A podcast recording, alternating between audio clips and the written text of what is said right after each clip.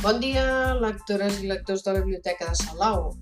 Aquest mes torna a l'espai Bibliosalau Ràdio, els podcasts bibliotecaris que us informen diàriament i via ràdio de les novetats bibliogràfiques de la Biblioteca de Salau. Els podcasts dels dimarts us parlen del que podem trobar a les xarxes sobre una de les nostres novetats de narrativa en català del proper mes. I avui 17 de maig us presentem la novel·la Entre les ombres, de Julio Ricardo Trigo, publicada el novembre de 2021 per al Revés Editorial, dins la col·lecció Crims.cat. A la ressenya de la contraportada hi podeu llegir a París, tot just abans de les protestes del maig del 68, Tres joves models ucraïneses de la revista Vogue desapareixen en estranyes circumstàncies.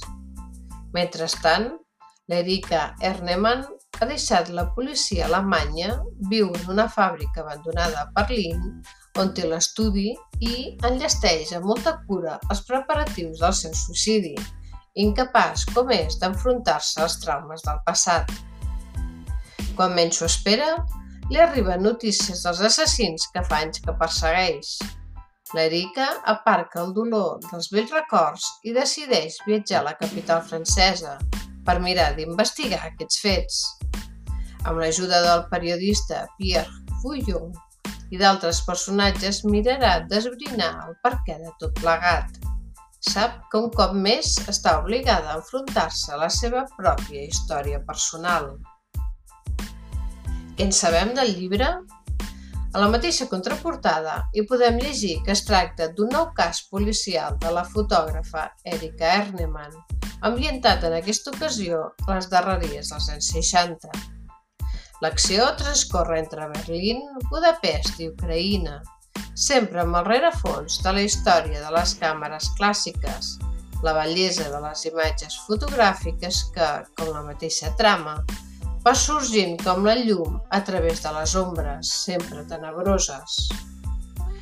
La protagonista és la investigadora i fotògrafa alemanya Erika Ernemann, que té traumes molt foscos i un passat difícil que la persegueixen, ja que amb 12 anys i sent aprenent a la fàbrica alemanya de càmeres Contax, va estar segrestada en una fàbrica de Kiev per l'exèrcit rus, juntament amb la seva germana, Linge, que conviu amb un excapità de l'exèrcit rus, associats en una empresa criminal amb qui té una relació tòxica i malaltissa. En aquest cas, l'Èrica, desconcertada, incapaç de superar el seu passat i un pas del suïcidi, es veurà implicada en la investigació dels assassins que fa anys que persegueix, arran de la desaparició en estranyes circumstàncies d'unes models ucraïneses de la revista Vogue, investigació que la durà a París durant els esdeveniments del maig del 68, on creu que podrà tancar la seva traumàtica història. Així doncs, estem davant d'una novel·la que veu del gènere negre, però també de l'històric, ja que parla de personatges reals i ubica la història al París dels anys 60, i més concretament en el maig del 68 francès, que bullia amb aires i desitjos de llibertat i esperança. També és el moment del cinema, de les revistes com Vogue i de la fotografia de moda i de l'auge de la fotografia analògica amb les càmeres Leica, Nikon i Canon. I és que no només la fotografia forma part de l'ambientació de la història, sinó que juga un paper clau en la resolució de la trama.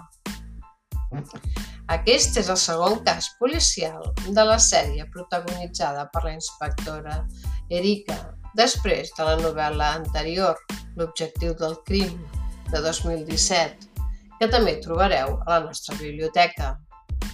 Amb aquesta sèrie criminal, l'autor ha declarat que vol fer una sèrie de novel·la negra centrada en la fotografia clàssica, que és una de les seves aficions, tal com es pot veure a la fotografia de la coberta realitzada per l'autor i en el seu retrat amb la seva càmera que il·lustra la solapa de la coberta.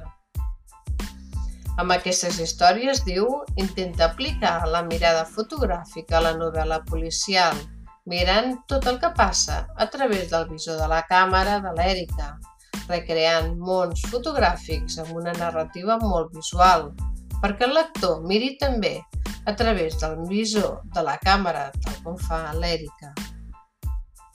El llibre té 297 pàgines, amb 24 capítols curts, 15 capítols a la primera part i 19 a la segona, només numerats, que comencen amb el nom de la ciutat, ja sigui París, Budapest o Cherche, a Ucraïna, així com Berlín i Barcelona dels primers, dels primers capítols.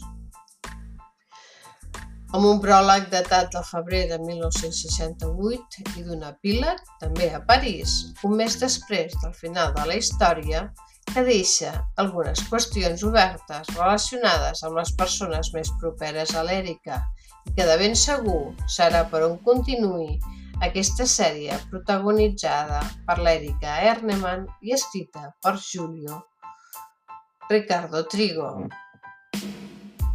I què en sabem de l'autor? Julio Ricardo Trigo, escriptor i fotògraf, va néixer a Betanzos, la Corunya, el 1959, tot i que viu a Tarragona des de 2005. Com podem llegir a la solapa de la coberta, dins del gènere negre, ha publicat dos títols, La mort salobre, de 1997, i L'objectiu del crim, el primer cas d'aquesta sèrie. A més a més, ha publicat més d'una dotzena de novel·les, entre les quals destaquen Després de l'oblit, de 2004, Els secrets de la reina, de 2008, El somni de Tàrraco, de 2009, El port del Nou Món de 2011 o La noia de la resistència de 2020. Ha guanyat premis com l'Ausias Marc, el Maria Mercè Massal el Néstor Luján, entre d'altres. Col·laborador habitual dels mitjans, ha publicat textos i fotografies al Temps, Diari de Barcelona, Avui, Serrador, L'Illa dels Llibres o La Vanguardia. També ha publicat poesia, uns nou llibres com a autor i altres tants com a traductor. Com a fotògraf treballa sobretot en blanc i negre, molt especialment retrat o relacionant literatura i fotografia.